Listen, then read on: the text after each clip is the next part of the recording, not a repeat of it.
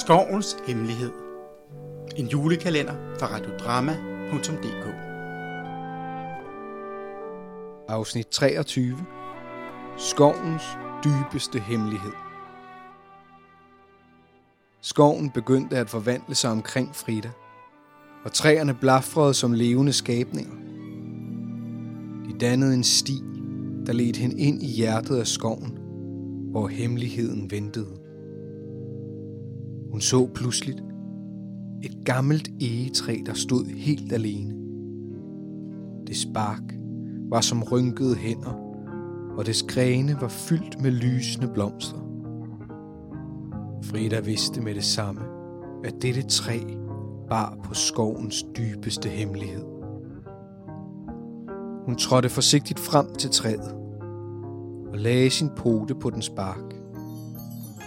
I det øjeblik begyndte træet at tale til hende med en viskende stemme. Velkommen, Frida, sagde træet. Jeg er træet af skovens visdom, og jeg gemmer på den dybeste hemmelighed af dem alle.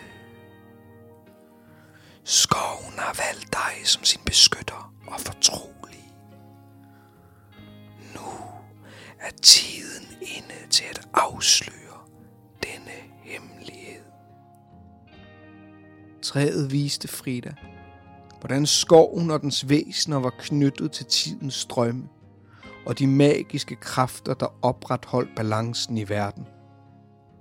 Det lærte hende om skovens elgamle historie, dens grænseløse kærlighed til alle de levende væsener og dens evige ønske om fred og harmoni.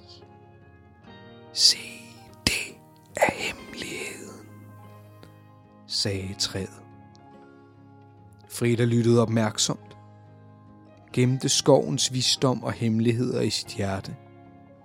Hun forstod, at hun havde en vigtig rolle at spille som beskytter af skoven og alle dens skabninger.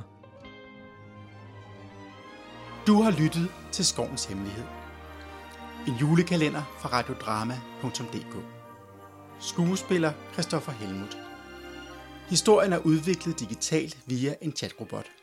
Herefter har dramatiker Morten Ågård redigeret og sammensat den endelige fortælling. Optagelse Kia Lundsgaard. Se mere på vores hjemmeside radiodrama.dk